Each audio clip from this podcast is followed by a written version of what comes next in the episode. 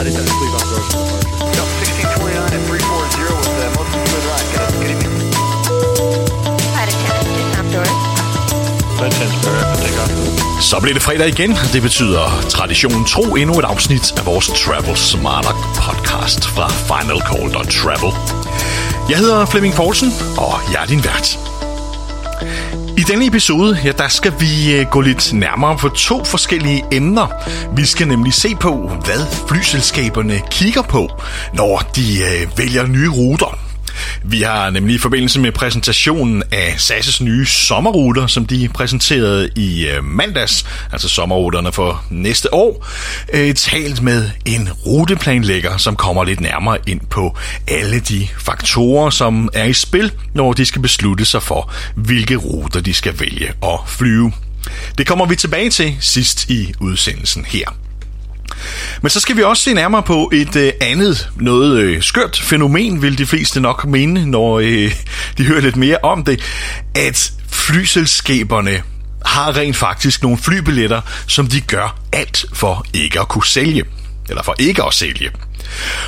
Og det lyder jo ganske skørt. I de fleste andre brancher, der vil man øh, gerne sælge de produkter, man har på hylderne, og gerne så mange af dem som muligt. Og øh, ja, der tilpasser man ligesom produkterne efter, hvad øh, folk øh, gerne vil betale. Man kan have både have produkter i den dyre og den billige ende. Og det har flyselskaberne naturligvis også. Men tingen er, at med indførelsen af light-billetterne på økonomiklasse, som de fleste flyselskaber efterhånden er begyndt at indføre, eller har indført, ja, så er der faktisk i rigtig mange tilfælde tale om et produkt, som de egentlig ikke har nogen ambitioner om at sælge. De ved godt, de skal nok sælge det til nogen, men i virkeligheden, så er det her produkt designet til, at kunden skal vælge et dyrere produkt, fordi light-produktet er så skrabet, at øh, det faktisk slet ikke er interessant at købe. I hvert fald, når vi taler på langruterne. På kortruterne kan der måske være en lidt større del, som øh, øh, kan have mere gavn af light-produkterne. Men lad os lige starte med at gå lidt i detaljer med, hvorfor flyselskaberne i det hele taget har opfundet de her produkter. Og det har de naturligvis, fordi at de vil se så billige ud som muligt.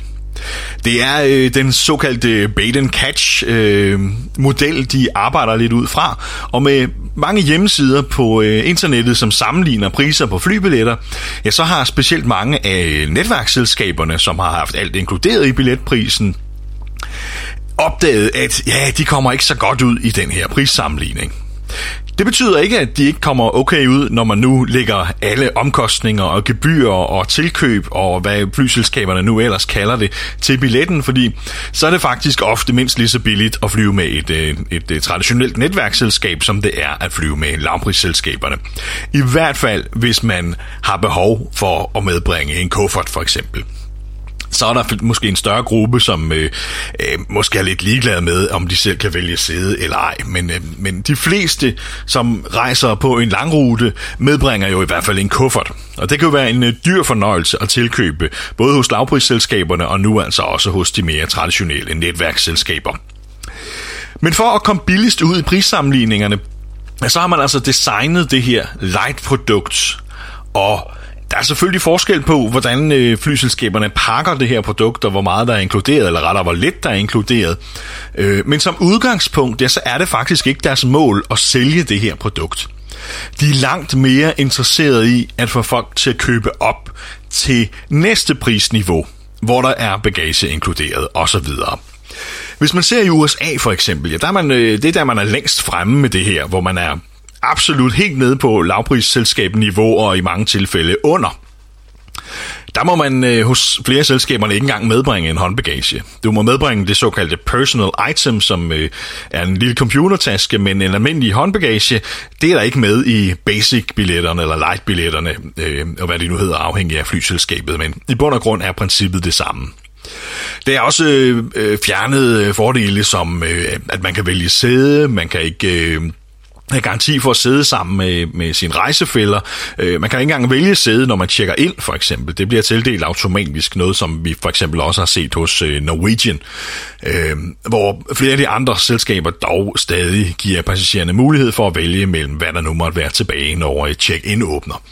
Men i USA er det øh, helt normalt, at alle de her ting er skåret væk. Man får også færre bonuspoint, øh, for rejsen, og har man status hos flyselskabet, jamen, så er der masser af de her fordele, man normalt har, som ikke gælder på øh, de aller, aller billigste basic øh, og light billetter. Og det er en tendens, som vi ser i øh, Europa også. Vi øh, har blandt andet set den... Øh, øh, ja, hos de fleste større selskaber, British Airways, KLM, øh, Air France, øh, Lufthansa, SAS, øh, som har skåret ned på øh, hvad der er inkluderet i de billigste billetter. Og senest, ja, der var der altså SAS, som var ude og virkelig give det et ordentligt slag med len, øh, når det gælder bonusoptjening også, på ikke bare de billigste billetter, men faktisk også en del billetklasser, som øh, er... Øh, øh, som ikke er specielt billige. Øh, og også nogle af dem, som inkluderer bagage, så det bliver lidt svært at, at holde styr på. Øh, når det gælder SAS. Lufthansa, for eksempel British Airways osv., de er ikke helt så nære med øh, pointoptjeningen, når det gælder de billige billetter. Endnu i hvert fald. Øh, men som udgangspunkt, så er det jo altså et produkt, som de har designet for at øh, gøre det så dårligt som muligt, at folk forhåbentlig ikke køber det, men vælger at betale lidt mere for en flybillet. Og det betyder jo et eller andet sted, at man kan holde priserne. Man kan måske i virkeligheden få mere for flybilletterne, end man gjorde før, men stadig se billigst ud i prissammenligningerne. Fordi uden at have nogen øh, sådan øh, dokumenteret undersøgelse på det, så er det jo klart, at vores opfattelse af, hvordan priserne har udviklet sig i det store hele, med undtagelser dog, er, at hvis vi kigger på SAS for eksempel, at prisniveauet på Go Light-billetterne nu, jamen, de ligger nogenlunde på niveau med de billigste Go-billetter, som havde bagage inkluderet tidligere. Og i praksis, jamen, så øh, betyder det jo altså, at de billetter, der har det inkluderet, jamen, de er jo nok steget lidt. Øh, hvorimod at de allerbilligste billetter, de holder prisniveauet, måske er de faldet en lille smule, men til gengæld er der ikke nær så meget inkluderet. Og som jeg var inde på før, jamen, så er det nok de færreste mennesker, som rejser til USA kun med en lille håndbagage. Det kan der være nogle øh, forretningsrejsende, der godt kan, øh, kan leve med, men det er jo ikke dem, man henvender sig til med de her billetklasser. Det er jo øh, det er lidt mere, eller meget mere prissensitive marked af fritidsrejsende, og der er der i hvert fald ikke nogen, som tager på, øh, på ferie på den anden side af Atlanten uden at medbringe bagage. Så alt andet lige, så er det jo et øh, forsøg på at få flybilletterne til at se billigere ud i prissammenligningerne, end de øh, måske i virkeligheden er. Øh, så har man set Lufthansa for eksempel, som da de indførte lightbilletterne, der vil jeg måske nok våge en påstand og sige, at øh, deres billetter er faktisk faldet en lille smule. Øh, fordi der kan vi altså se billetter til under 2.000 kroner tur-retur til New York for eksempel fra Skandinavien. Hvorimod, øh, ja, det er sjældent, man ser SAS til under 2500. Og når det er sagt, jamen, så er 2500 selvfølgelig stadig en meget billig billet til USA, og går vi tilbage i historien og sammenligner med inflation og folks købeevne osv., jamen, så er det jo også et historisk lavt niveau. Øh, men stadigvæk så er omkostningerne i flybranchen jo altså også blevet mindre. Og de fleste af de større selskaber tjener jo altså penge i dag.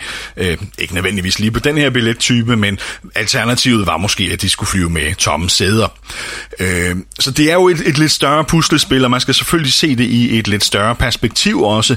Men i det store hele, ja, så handler det altså om at få produkterne eller flybilletterne til at se billigere ud, end de reelt er. Og hvad så med fremtiden? Øh, ja, jeg er ret overbevist om, at vi er ikke ramt bunden endnu. Øh, fordi hvis man nu ser på øh, lavprisselskaberne, øh, du har Wow Air over Atlanten, øh, som øh, ikke inkluderer håndbagage for eksempel. Det er et meget, meget skrabet produkt. Øh, og vi ser det på nogle af de amerikanske selskaber, som godt nok ikke har indført den her billettype over Atlanten endnu, men når de har det på andre ruter, jamen så er det jo også et signal om, at, øh, at der er plads til at skære endnu mere ned, selvom man øh, næsten ikke skulle tro det efterhånden. Så jeg tror, at man vil se en udvikling, der hedder, at flyselskaberne er ikke færdige med at skære ned. Vi har set det også på cateringen ombord. Øh, SAS har fjernet øh, øh, gratis drikkevarer på langrutebilletterne på øh, economy class. Der får man bare en sodavand øh, til maden, og vil du have andet jamen, så skal du betale. Der kan du hos Lufthansa og British Airways og så videre stadig godt få, øh, få drikkevarer ombord på economy uden at betale ekstra. Det er inkluderet i billetten der. Øh, og så har du selvfølgelig lavprisselskaberne, hvor der hverken er mad eller drikke inkluderet, som man så skal tilkøbe. Øh, og så længe der er nogen, der har et dårligere produkt, ja, så øh, har vi jo ligesom lært os i den her branche, at ja, så er der også plads til, at de andre kan følge med ned på det lave niveau. Og det er jo et kapløb mod bunden, som flyselskaberne har gang i, når det gælder i hvert fald øh, economy class produkterne. Der er en tendens til, flyselskaberne påstår selv, at kunderne ikke vil betale for det, men det er så et argument, jeg ikke rigtig køber, fordi man ser jo, hvor mange milliarder af kroner, som flyselskaberne hvert år tjener på tillægsydelser. Øh, og det underminerer lidt argumentet for, at folk ikke vil betale for det. Og alt andet lige, jamen så er det altså, hvis, hvis man har brug for de her ting, som en kuffert for eksempel, så er det i næsten alle tilfælde en bedre deal at købe en billet, der har det inkluderet på forhånd. Øh, jeg vil næsten våge påstand at sige, det er i alle øh, tilfælde, at det er billigere at købe en billet, der har det inkluderet. Og så har du selvfølgelig en meget lille målgruppe af rejsende, som måske godt kan leve uden den her kuffert, øh, og som måske kan spare lidt penge på at øh, vælge det allermest skrabede produkt. Men som sagt, så er det altså ikke det, flyselskaberne er ude på at sælge. De her produkter har det primære formål at gør det så skrabet som muligt, så kunderne forhåbentlig vælger et lidt dyrere produkt. Og det er i bund og grund øh, konklusionen på de her lightbilletter. Som sagt, jeg tror ikke, vi har set bunden endnu. Øh, der er nok nogle flyselskaber, som vil påstå, at der stadig er en for stor andel af deres kunder, som køber de her light-produkter. Øh, og dem kan man jo presse endnu flere op i en dyre billetklasse ved at gøre light-produkterne endnu dårligere, end de er i dag. Og det er der jo, som jeg var inde på lige før, øh, stadig plads til, hvis det er det, der er målet. Jeg håber lidt, at øh, vi på et tidspunkt, når vi har ramt bunden, kommer til at opleve flyselskaber, som finder ud af, at øh, man godt kan konkurrere på kvalitet, og at alt ikke bare handler om pris og skrabede produkter. Øh, og jeg håber, øh, at kunderne vælger de produkter, fordi det har aldrig været sværere, end det er i dag, at sammenligne priserne på flybilletter. I hvert fald ikke i, den, i det billigere segment. Fordi prissammenligningerne på nettet, øh, ja, det er ikke fordi, de ikke gerne ville. De ville faktisk gerne oplyse præcis, hvad der var med i de her billetter. Men bookingsystemerne og de data, som kommer fra flyselskaberne, øh, er, er, er det ikke rigtigt til at hive det ud af altid. Og det betyder, at man reelt ikke kan inkludere det i sådan nogle prissammenligninger. Øh, og når man kigger på flyselskabernes hjemmesider, så skal man ret langt ind i bookingprocessen, inden man reelt ser kostprisen på en billet med bagage. Så det, der er kommet ud af det her, er jo, at det er blevet fuldstændig umuligt at sammenligne priser på flybilletter, uden at man bruger en sindssyg mængde tid på at sidde og søge på flyselskabernes hjemmesider og klikke sig længere ind i bookingen på hver enkelt rejse, man måske er interesseret i. Øh, og der mangler man altså et bedre overblik. Jeg håber lidt, at myndighederne måske begynder at kigge på, at man skal opgive en pris i markedsføringen, som overholder vis krav. Det kunne for eksempel være, at man i hvert fald på langruterne siger, man, den pris i markedsføring med, den skal altså indeholde en bagage for at gøre det sammenligneligt. Lidt som man i finansverdenen har den årlige omkostning i procent øh, som et sammenligningsgrundlag for, hvilke finansomkostninger der er ved at låne penge for eksempel. Øh, og den mangler man lidt i flybranchen, synes jeg, fordi som sagt, det har aldrig været mere uoverskueligt at øh, sammenligne priser på flybilletter, som øh, det er i dag. Men øh, ja, det er svært at spå, hvor, øh, hvor det bærer hen. Øh, lige nu synes jeg i hvert fald ikke, der er nogen tendenser til, at der er nogen flyselskaber, der går i den anden retning. Øh, når du kommer op i premium economy og business osv., så, så er der noget andet, men så er der altså også et helt andet øh, prisleje, man er i. Øh, og de billetter er selvfølgelig også blevet billigere. Og man kan måske lidt populært sige, at premium economy er det nye economy class. Fordi i kraft med, at benpladsen er øh, skrumpet igennem de senere år, øh, der er mindre og mindre inkluderet i economy-billetterne, øh, man skal betale for bagagen, men øh, nogle selskaber får du ikke mad på, nogle får du kun en, en lille smule, og så er der nogen, du ikke får drikkevarer på, og så videre, og så videre, og så videre. Øh, ja, så er et premium economy-produkt i dag næsten, hvad man fik i gamle dage på economy class. Og i nogle tilfælde var economy class dengang faktisk næsten bedre end premium economy i dag. Øh, og det er jo lidt øh, tankevækkende at tænke på. Og jeg ved godt, at branchen har udviklet sig, og kunderne har udviklet sig, og i dag er det ikke sådan den store øh, årsbegivenhed, øh, at man skal ud og flyve en tur, som det måske var i gamle dage. Men stadigvæk, selvom flyet i dag er blevet en bus med vinger, så må der også være en nedre grænse for, hvad passagererne vil finde sig i. Øh, og det er jo en svær balance for mange flyselskaber, fordi en ting er dem, der rejser meget, som måske har nogle lidt større krav og ikke gider at finde sig i hvad som helst, men så skal de jo også gerne have fat i de fritidsrejsende.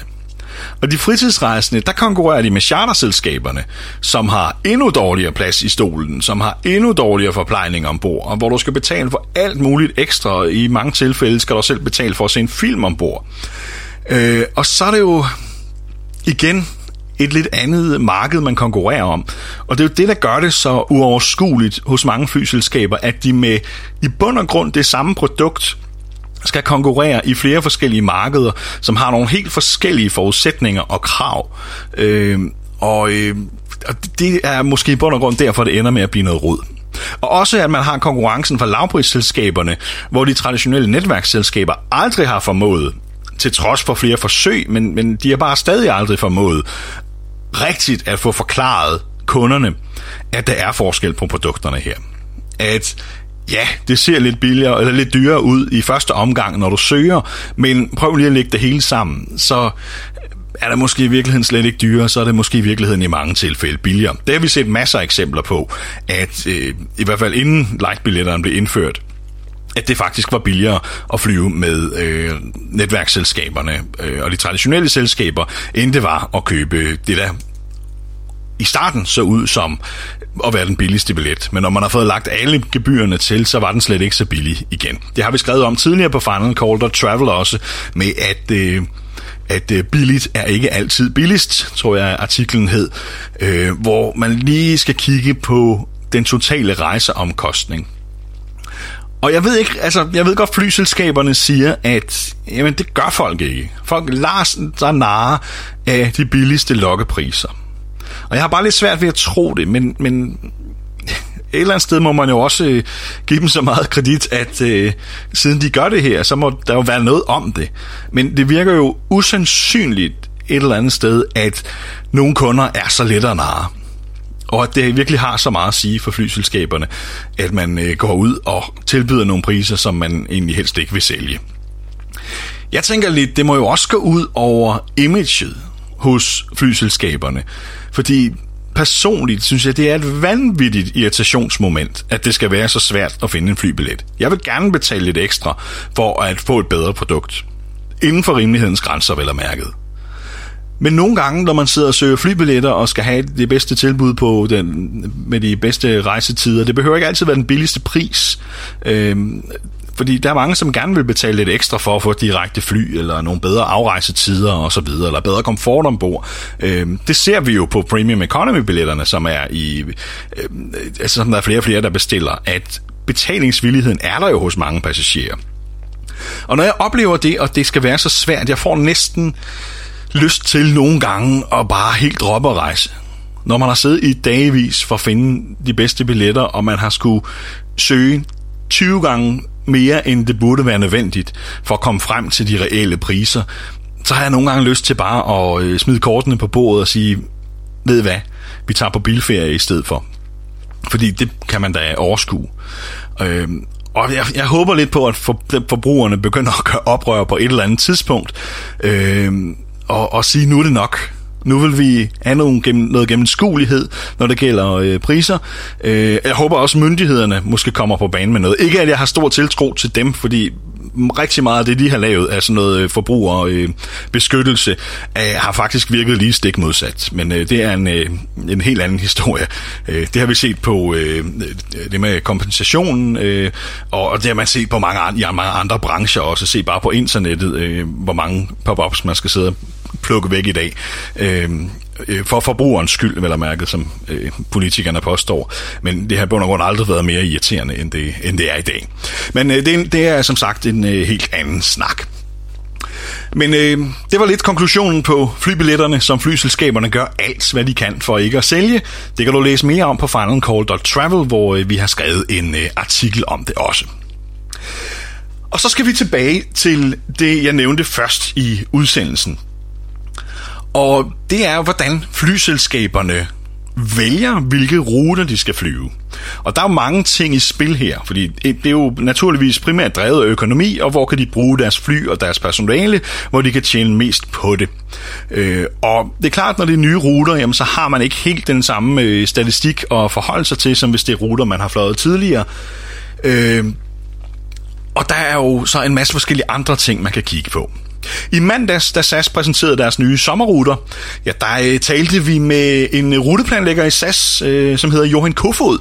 Og øh, han kom lidt nærmere ind på det her emne og fortalte os lidt om, hvad SAS kigger på, når de vælger de her sommerruter. Ja, Johan, nu har vi fået præsenteret SAS' nye øh, sommerruter for 2019 i dag. Og øh, det er dig, der øh, sidder i netværksafdelingen, som er med til at vælge, hvilke ruter, øh, som SAS skal tilbyde. Kan du fortælle lidt om, hvad der ligger til grund i jeres overvejelser for at have valgt de ruter, som I har valgt i dag? Ja, når vi vælger de ruter, vi gør, så gør vi det ud fra nogle forskellige parametre. Det er lidt som at spille et puslespil, at vi går ind og ser på, hvad er trenden i markedet, hvad tænker vi er interessant for Skandinavien, hvad ser vi af, af markedsoplysninger med de flows, vi har passagerer, der flyver allerede nu, hvor vil folk gerne hen, kan vi se muligheder med, at der er folk, der flyver i uh, transfer igennem nogle hops, som vi måske kan sætte en direkte rute ind uh, på? Og vi ser på, hvad gør vores konkurrenter.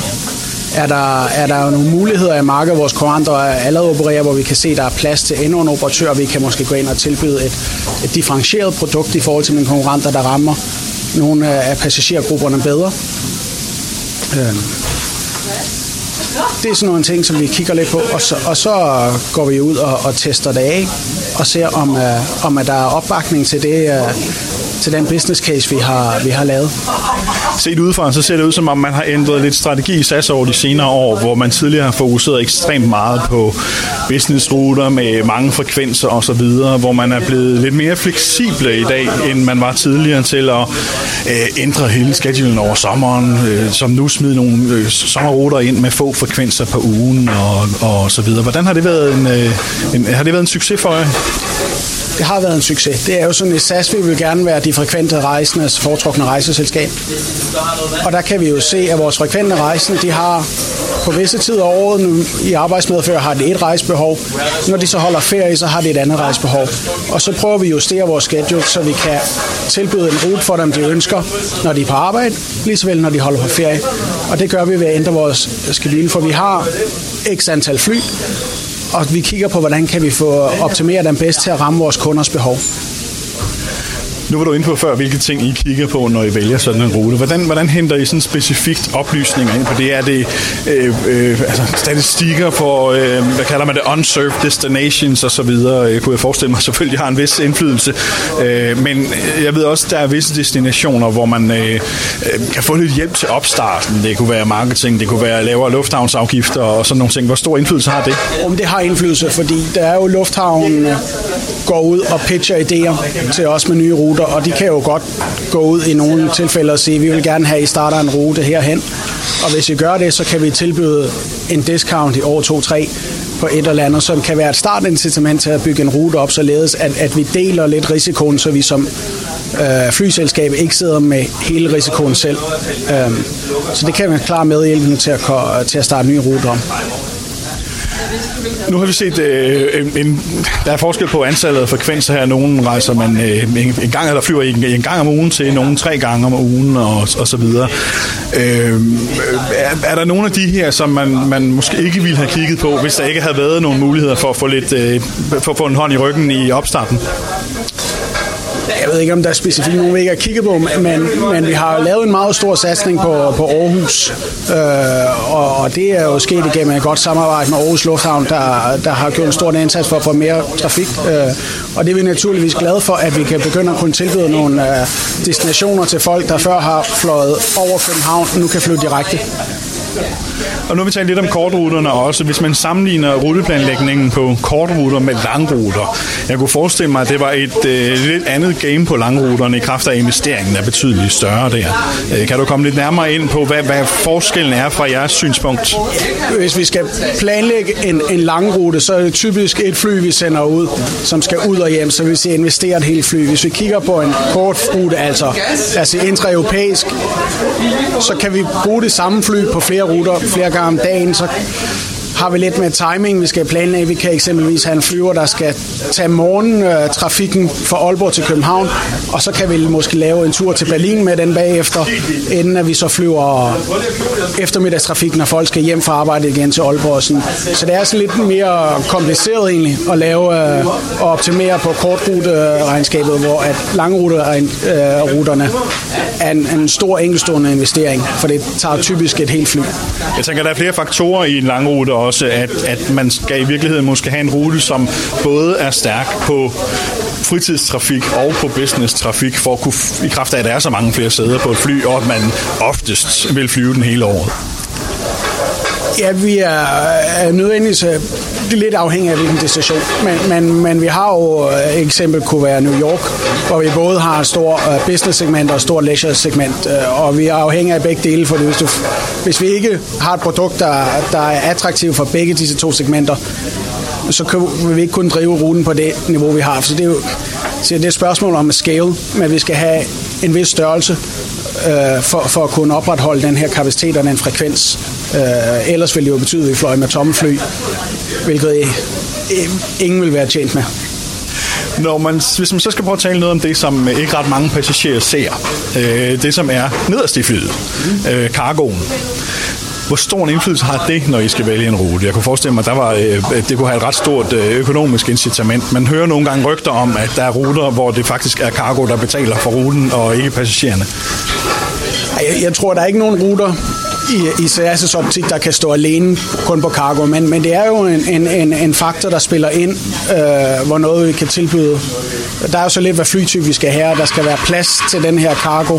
Der kunne typisk være nogle, øh, hvis vi har mange leisure så kan vi godt nogle gange komme lidt ved knæt med cargo-plads.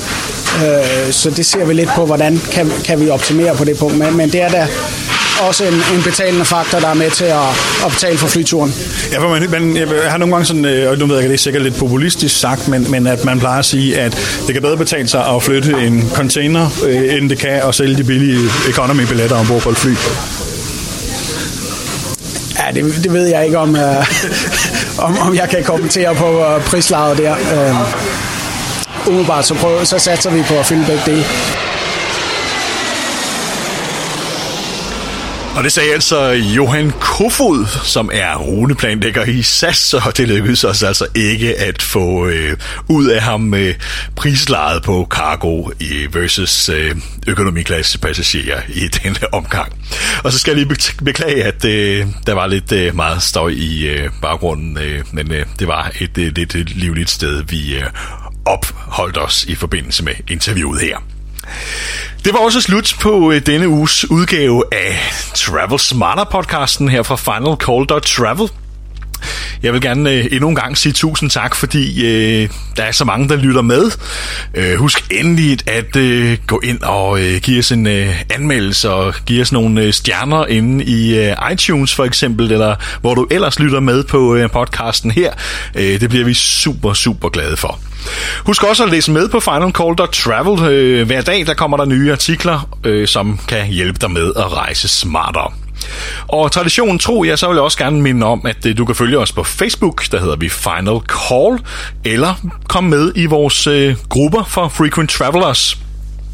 Frequent Traveler Danmark. Den kan du søge op på Facebook og søge om optagelse, altså Frequent Traveler Danmark. Øh, så skal du lige øh, svare på tre lette spørgsmål, øh, og det kræver vi altså, at du udfylder dem, for at vi øh, accepterer dig i gruppen.